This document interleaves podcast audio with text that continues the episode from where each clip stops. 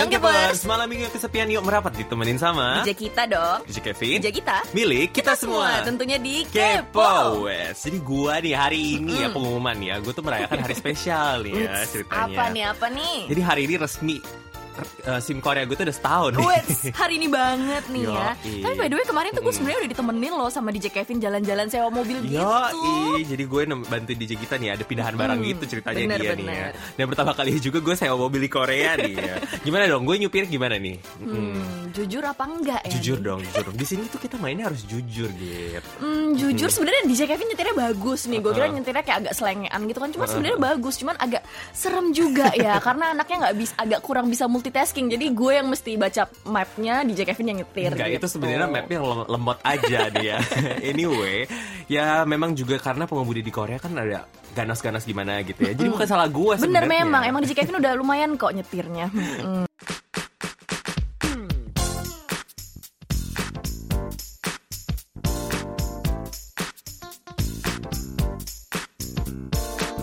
Kupas tuntas berita terbaru, Bareng sama DJ kita di info selebritis. Aktris Han Yese post ke Instagram pribadinya mengenai kondisi dari operasi pengambilan lipoma dari tubuhnya. Ketika operasi, terjadi kecelakaan medis yang menyebabkan adanya pembakaran di kulitnya. Rumah sakit telah memberikan pernyataan mengenai kecelakaan yang terjadi, namun belum ada pembicaraan mengenai kompensasi. Semoga cepat sembuh ya. Konser terakhir dari grup JBJ berakhir dengan tangisan air mata. Konser yang diadakan minggu lalu ini telah ditonton oleh 9.000 fans dan berlangsung selama 3 jam. Setelah berterima kasih satu persatu kepada seluruh fans, akhirnya semua menangis saat penampilan encore.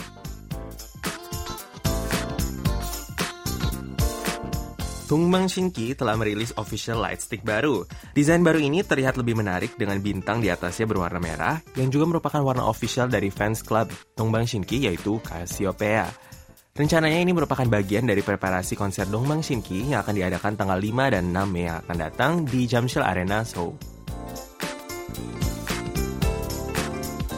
Yubin, mantan member Wonder Girls, berencana untuk membuat solo album. Lewat wawancaranya dengan Cosmopolitan, selain berbicara mengenai persiapan album solo pertamanya, dia juga merasa senang dan bangga sekaligus iri melihat member Wonder Girls lain yang melakukan promosi. Kita tunggu ya album barunya Yubin. Bumi Aping membuka channel YouTube pribadinya. Alasannya membuka channel ini karena dia sangat suka menonton YouTube di kesehariannya dan dia ingin mencoba buat video juga sambil bisa menyapa para fansnya. Channel Pom Pom Pom ini mempunyai konsep dari Bomi, lewat Momi, dan untuk Bomi. Dan menjadi bakal banyak video travel, keseharian, cover, review produk, dan lain-lain. B1A4 telah merayakan 7 tahun kebersamaan mereka. Tanggal 23 April yang lalu, mereka live lewat Never Be Live dan berterima kasih kepada para fans mereka selama 7 tahun ini. Walaupun begitu, menurut WM Entertainment, belum ada perpanjangan kontrak dari masing-masing member nih, dan rencana diskusi diundur hingga akhir Juni akan datang.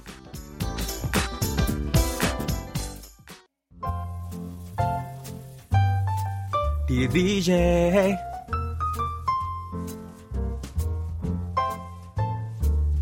Oh, oh dear DJ, oh. Kenapa di DJ lagi nih mau ya? di DJ kayak gimana gue. Oke. Nah, jadi untuk di DJ minggu ini nih ada yang spesial nih. Oh, Kita apa kedapetan nih? lagi surat tulis nih ya. Wow, dengan pena Tangan. dan kertas. Yo, i banget nih ya. Udah lama kan ya kayak Bukan lewat begini. keyboard dan monitor komputer Betul. nih ya. nah, langsung aja kita baca nih ada dari Aristianto nih ya. Hai DJ, apa kabar? Entah tahun berapa terakhir saya berkirim surat tertulis seperti ini ke KBS ya. Mungkin sudah lebih dari 10 tahun kali ya semenjak hadirnya Wow. email. Kayaknya ya sih gue juga terakhir kali tulis surat pakai tangan itu kayaknya waktu gue SMP sih ya. Mm-mm. Nah, tapi kalau menurut saya nih ya, melalui tulisan seperti ini malah lebih bagus dan mewakili pribadi dan diri kita ke stasiun radio kesayangan. Uh, radio Uh. kesayangan banget nih. Oh ya DJ, saya sering melihat YouTube. Di situ ada pedagang sayur wanita Korea yang banyak pela- pelanggannya para tenaga kerja Indonesia, khususnya dari Jawa. Karena wanita tersebut sangat pintar dan lancar dalam berbahasa Jawa, saya mau usul bagaimana kalau KBS siaran Indonesia mewawancarai wanita tersebut. saya lihat wanita tersebut sangat ramah sekali orangnya. Mungkin ini saja di surat dari saya DJ lain lain waktu jumpa lagi. Terima kasih. oh, ya jadi gue sih kalau nggak salah juga pernah sebenarnya lihat nih ya berapa Hmm. tahun yang lalu gue juga nggak inget sih ya.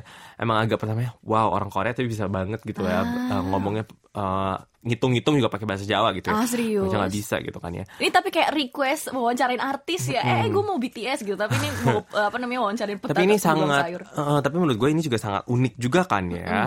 Dan mungkin ya kalau bisa nih ya Ristianto mungkin sekalian lagi di search lagi itu karena gue juga nggak tahu gimana cara searchnya itu wanita tersebut ya.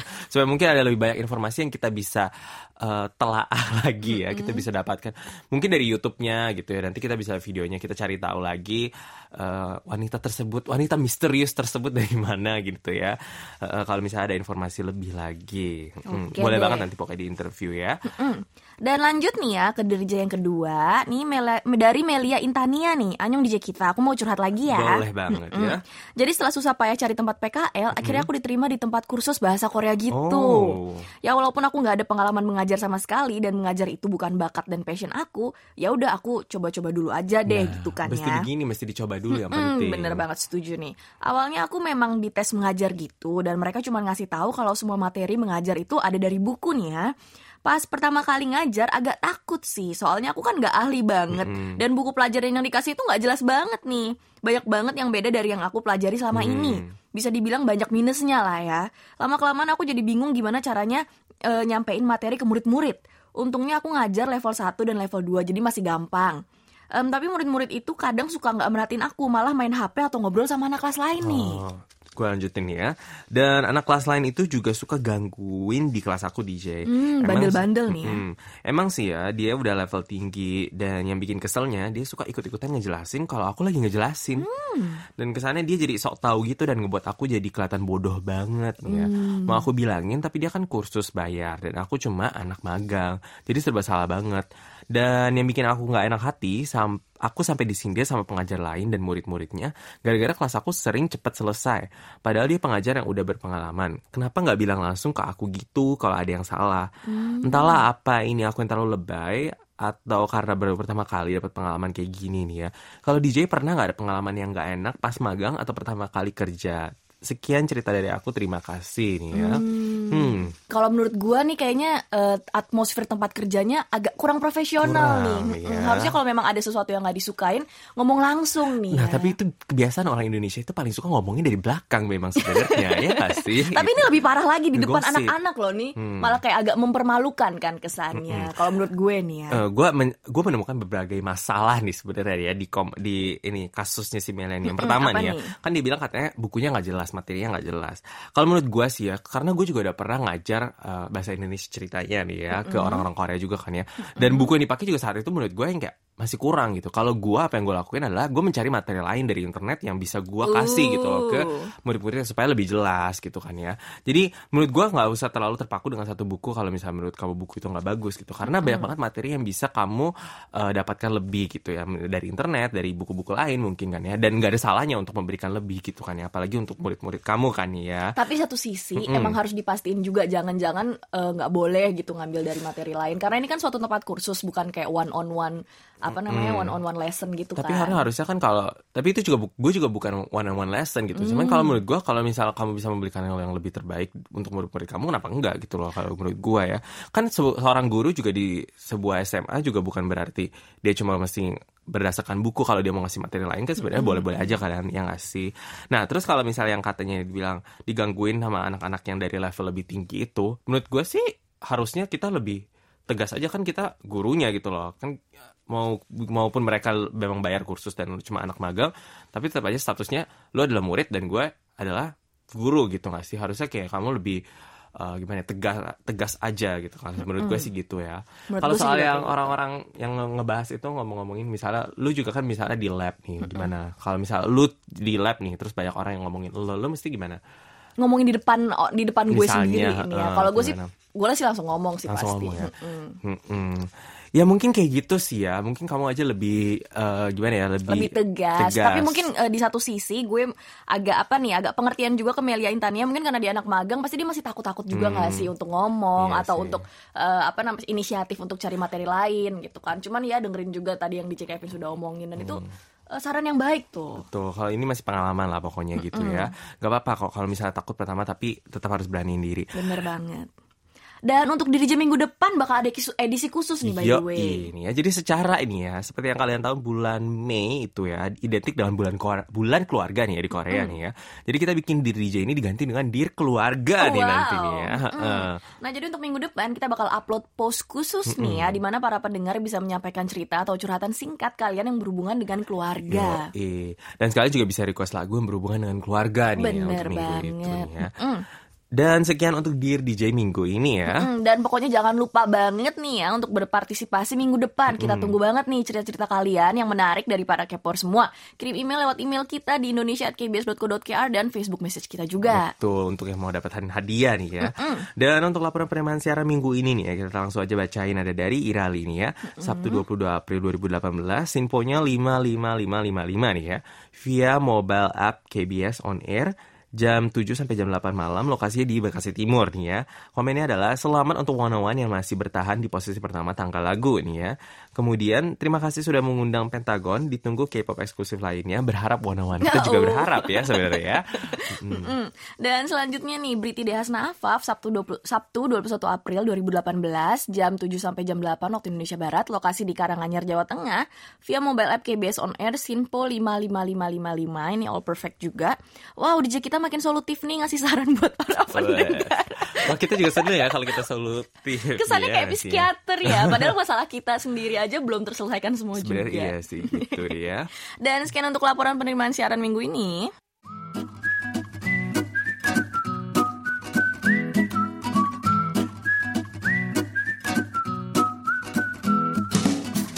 Nah udah waktu untuk kata kamu kata aku nih ya. Dan melanjutkan topik dari minggu lalu adalah Uh, yang ya. seru nih. Mm-mm.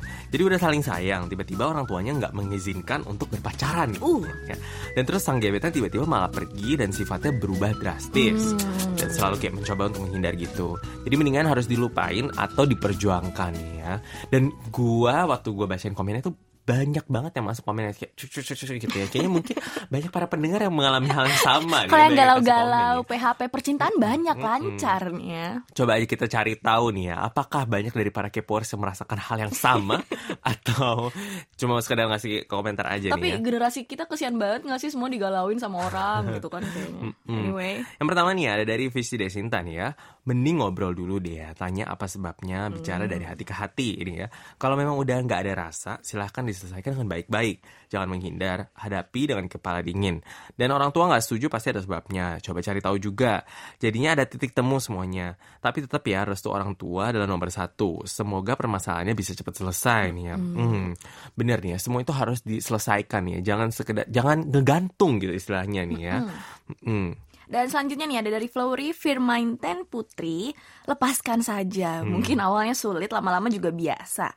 Nanti saat waktunya pas juga dapat cinta yang baik dengan sendirinya nih. Oh. Tapi kalaupun dia jodohnya nanti juga balik lagi kan. Untuk yang punya permasalahan ini semangat nih ya, jangan galau katanya gitu. Bener. Yang ada, kalau menurut gua nih, yang namanya kayak begini-begini itu adalah timing nih sebenarnya nih ya. Kalau memang timingnya nggak pas ya, pasti ini nggak bisa nih ya. Tapi kalau benar kalau misalnya jodoh, nanti pasti balik Iya, lagi. Mendingan yang terbaik adalah kamu melakukan eh, hal-hal yang bisa membuat positif aja diri kamu dulu. Hmm, yang gitu bisa ya. melupakan dia gitu nih. Ya, walaupun misalnya lu udah melupakan tiba-tiba dia eh, ngelirik lagi gitu kan bisa aja kan ya. Mm, Karena bener-bener. udah jauh lebih bagus lagi kan ya. Mm, exactly. Kemudian selanjutnya dari Nanrena Vinustika Andini nih ya. Aku belum pernah sih ya punya dilema seperti diceritakan di atas. Tapi kalau aku boleh berpendapat, aku lebih percaya kata orang tua nih DJ ya. Karena biarpun entah gimana caranya, orang tua tuh kayak punya semacam feeling buat kebaikan anaknya. Terus biasanya kalau aku nggak turutin saran orang tua, kesannya tuh pasti kualat gitu Bener ya. banget. Orang tua sungguh keramat katanya. Jadi ya berdoa aja semoga mendapatkan yang lebih baik. Toh dia pun malah menghindar bukan justru memperjuangkan ya. Setuju. Dan gue juga setuju banget nih ya saran orang tua tuh pastinya em, keramat banget nih ya. Cuman di satu sisi karena dia apa namanya orang tuanya sudah eh, enggak enggak lu nggak boleh pacaran sama dia dan tiba-tiba pacarnya langsung pergi aja itu yang paling gue nggak suka tuh. Jadi, aduh tinggalin aja gitu. Iya ngapain gitu diperjuangkan nih kalau kata DJ kita nih ya. Mm. Dan selanjutnya nih ada dari ini bacanya W arm atau W arm Iya ya? mungkin ya. W arm summer nih. Oke. Kenapa gebetan menghindar? Karena tidak yakin bisa bersama. Lupakan saja karena ketika ada masalah seperti itu doi malah menghindar bukannya bersama-sama menghadapi dan mencari jalan keluar. Betul. Hmm, setuju banget nih ya. Doi nggak punya keyakinan untuk bersama. Bagaimana caranya meyakinkan orang tua kalau doi ragu begitu? Lupakan aja. Nah, mungkin aja nih orang tua tuh udah tahu nih ya. Hmm, ini Lu anaknya kalau sama dia tuh nggak bisa gitu. ya. Iya. Buktinya sekarang gue ngomong begini dia nggak mau memperjuangkan. Atau hmm, anaknya tempe Bentar. gitu kan. Atau mungkin itu emang dicoba aja sama orang tuanya. Coba lihat nih kalau gue salah gue nggak restuin gimana nih. Iya iya bener. Gimana Padahal tuh sebenarnya orang tuanya fine fine aja. Bentar, Cuman kita kayak spekulasinya terlalu banyak ya dipikir-pikir. Cuman emang bener-bener banget sih orang berarti kayak orang tuanya melakukan strategis yang baik ini. Eh Mungkin strategi, ya, strategi yang baik. Kemudian selanjutnya ada dari Kanti Rizky Mulyantari ini ya.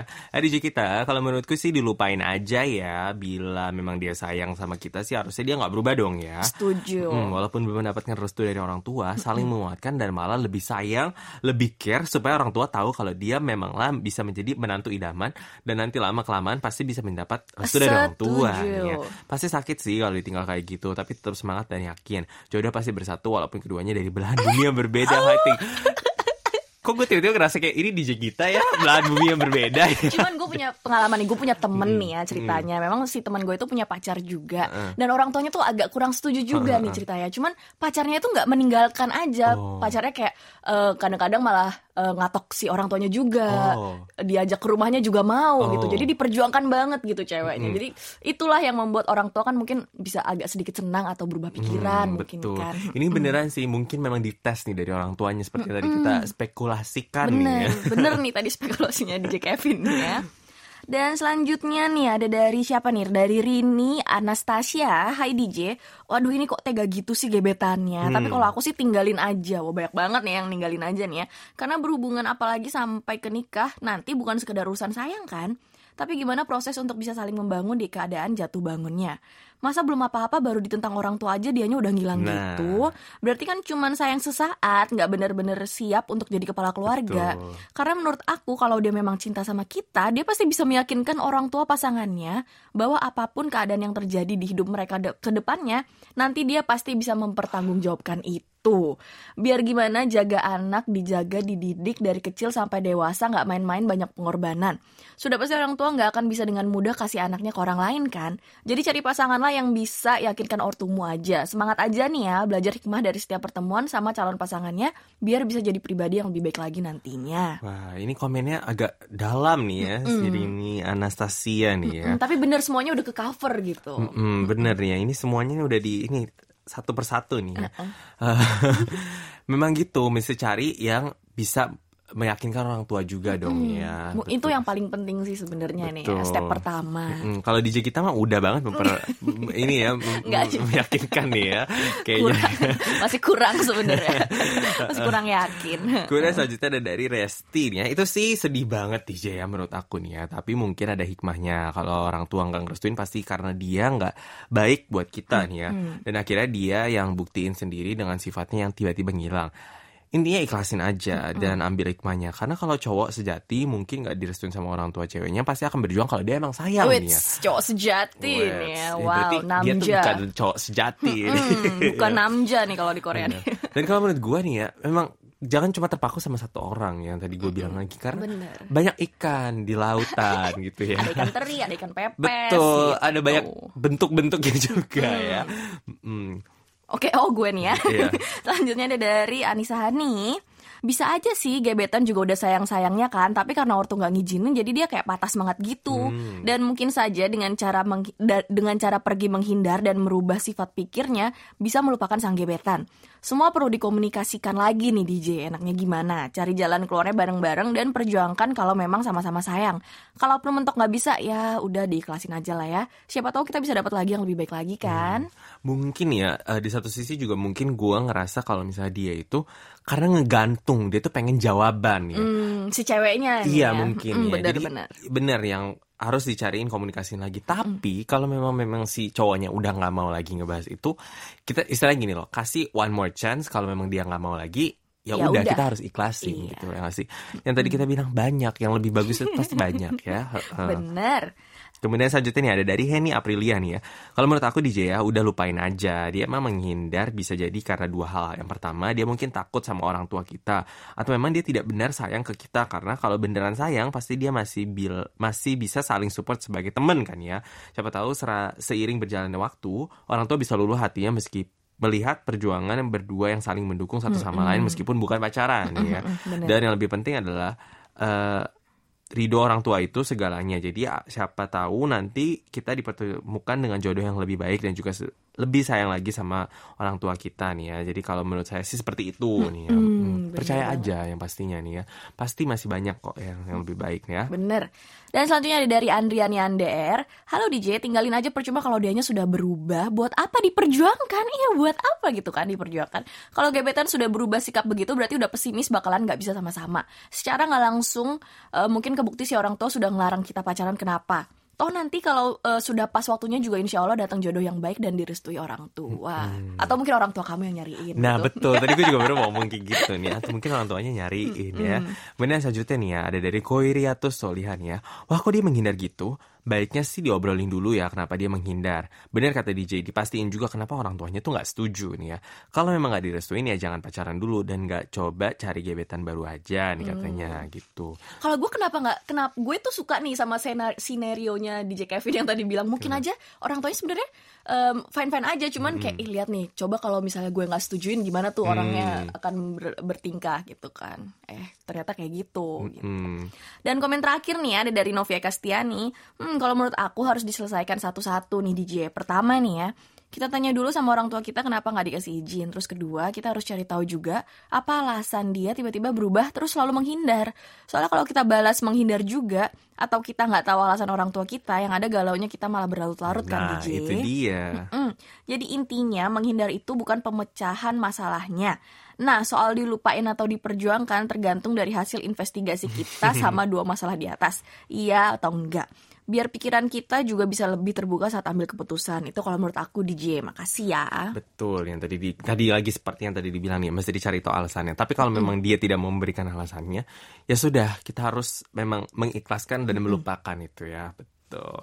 Dan dari sekian banyak komen yang ada nih ya, sepertinya itu hampir gue bisa bilang 99,9% itu membilang lupakan, Lupakan saja. saja, ya. ikhlaskan saja, Atau memang uh, tadi move cari on. tahu nih ya, cari tahu. Yang pastinya Mungkin cari tahu dulu lah ya. ya oke cari tahu Cari dulu. tahu lah ya. dulu, lalu ikhlaskan.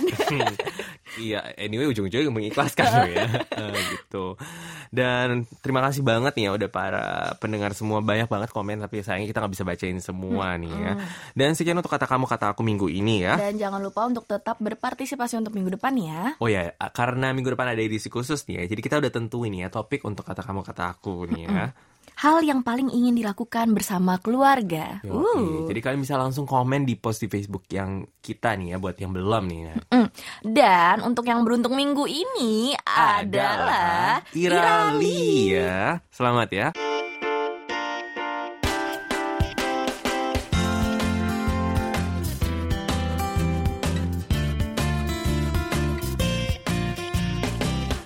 Amel Anyong. Annyeong DJ Kevin, jadi kita apa kabar nih? Baik dong. Lo sendiri apa kabar nih? Gue juga baik-baik aja nih, meskipun agak flu nih. Nggak Katanya punya kedengeran cerita kok. seru nih hari ini nih ya. Iya dong, jadi tema dari Korea hari ini seru banget. Oh, yes. Menurut gue sih ya. Menurut lu apa ya?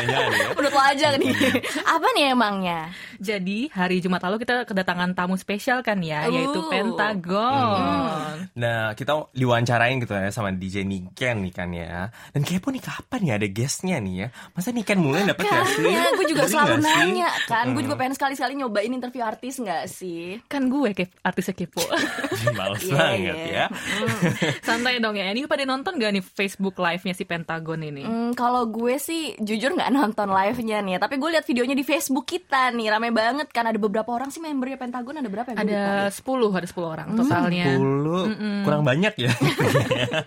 Emang kayak rame dan rusuh banget tuh ya kayaknya member-membernya nih ya. Ya dan mereka tuh nggak jaim sama sekali. Jadi ditanya jawabannya tuh selalu nggak terduga gitu loh. Jadi kita yang di studio tuh ketawa terus pas nontonin eh, live-nya Oh, itu. jadi seru dong ya ini Seru ya, banget, seru banget. Hmm, dan gue juga lihat mereka ngomong bahasa Indonesia nih berkali-kali gitu kan ya Iya, jadi kayaknya. dari dari salam pertama sampai akhir tuh mereka ngomong bahasa Indonesia terus gitu. Uh. Langsung dia tuh Facebook kita tuh rusuh ya sama orang. Komen-komennya banyak pasti. banget. Ya. respon orang-orang tuh kayak selalu heboh nih saat artis tuh kayak ngomong Indonesia langsung ngomong wow gitu ya Iya, sih iya, ya. bener. Nggak disuruh ngomong skripnya kan Dilan itu kan sama si Niken kan ya Enggak, kali ini enggak ya. Ini kan udah Keseringan berhenti ya. ya, udah keseringan masa Dilan si Dilan terus ya kan. Anyway, gue tuh mau bilang kalau kayak tuh gue jodoh banget sama Pentagon Nah, ini, ya. Amel doang yang tahu nih. Lo doang yang mau jodoh sama Pentagon ya. Jadi jadi gini, jadi gini. Jadi di hari yang sama gue tuh dapat undian untuk ke fansign-nya mereka gitu. jodoh lah ya jodoh. Mm. Emang lo tuh aduh hoki banget nih emang Amel nih ya as always nih ya. Jadi lo ketemu sama Pentagon dua kali dalam satu hari nih. Iya, jadi makanya Wow. waktu mereka selesai interview di KBS, gue tuh bilang nih ke member-membernya Pentagon kalau nanti malam gue bakal pergi ke fansign. jadi sampai ketemu nanti malam ya gitu. Jadi gue rasa satu hari itu lu ketemu Pentagon itu ada berjam-jam ya berarti ya. Terus by the way nih ya, mereka jawab apa pas lu tanya kayak gitu tuh? Jadi kayak mereka kaget gitu kan, kayak ah nggak percaya gitu kalau gue bakal dateng gitu. Lucu sih ekspresinya. Nah terus reaksi mereka pas lihat lo di acara fansign tuh gimana tuh? Jadi semua member tuh masih inget sama muka gue, gue tuh terharu banget. Ya iyalah baru lihat tadi Baru siang. lihat tadi berapa menit yang lalu, jam yang lalu Iya baru gitu dua ya tiga sih. jam yang lalu gitu sih ya tapi terharu banget terus kayak mereka tuh kaget gitu kayak wah beneran dateng nih gitu Mungkin dia pikir lu gue ngibul kali. iya kali ya mungkin kayak omong kosong gitu kan kiranya Ceritain dong lo ngobrol apa aja nih sama mereka. jadi eh, Jinho sama Idon itu bilang oh makasih ya udah undang ke KBS waduh padahal kita ya yang berterima kasih udah diundang ya, karena mereka udah mau datang ke KBS Iya kalau kita mah nggak tahu apa itu Iya, yang undang. PD-nya.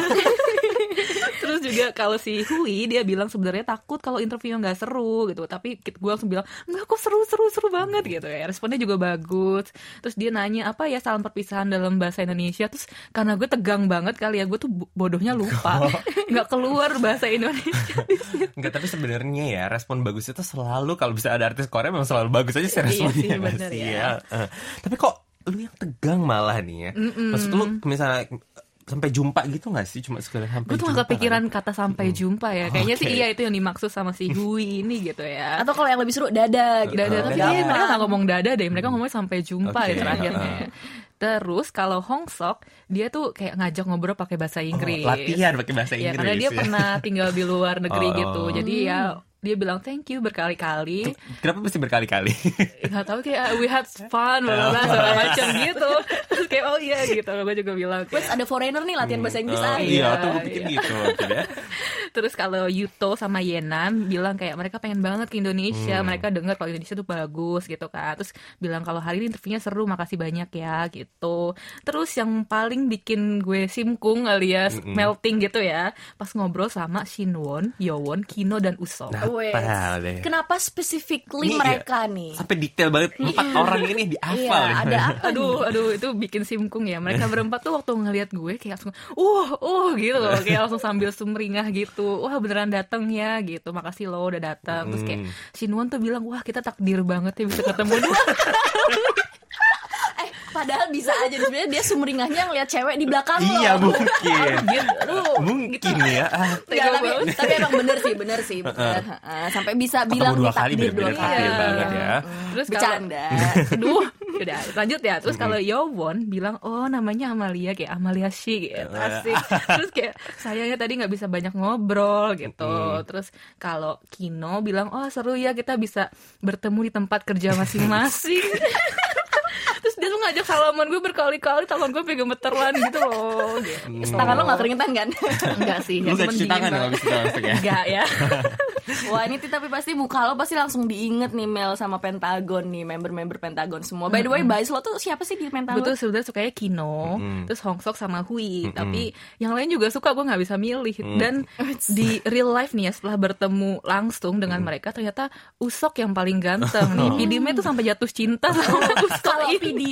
Sih sama semua cowok ganteng. Gak perlu Pentagon. Terus akhirnya pas fan signing gue bilang ke Usok kalau eh salah satu staff kita bilang lo yang paling ganteng gitu. Wets. Terus dia bilang kamsahamnida sambil pose-pose sok keren gitu deh. Anyway, yang mana sih usoknya yang mana yang mana? Dia tuh coba? Tunjukin tuh coba yang mana. paling kecil dia Magne, cuman dia paling tinggi. Dia tuh role modelnya like Wan Lin. Oh, oke. Oh, ini rata-rata magne-magne di semua grup yang yang paling tinggi Iya, gitu iya, ya. iya, bener. By the way, fansign-nya tuh eventnya berlangsung berapa lama sih? Jadi sekitar tiga jam gitu lumayan lama banget. Jadi selesai tanda tangan ada sesi ngobrol-ngobrolnya juga gitu. Ah, So, gitu. bener banget itu lama banget. Gue sama gue tuh harusnya menunggu di Jamel, tapi dia nggak keluar keluar dari fansign itu tuh ya. Akhirnya nggak jadi ketemu Gue membuang Jack Kevin dari Pentagon lah. ya iyalah. Anyway, puas dong ya. Foto-foto untuk website-nya ada dong. Ada dong ya. Seperti biasa dokumentasinya bisa dilihat di world.kbs.co.kr slash Indonesia. Thank you ya ceritanya hari ini Mel. Sampai jumpa minggu depan ya. Sampai jumpa minggu depan untuk kamu dari Korea.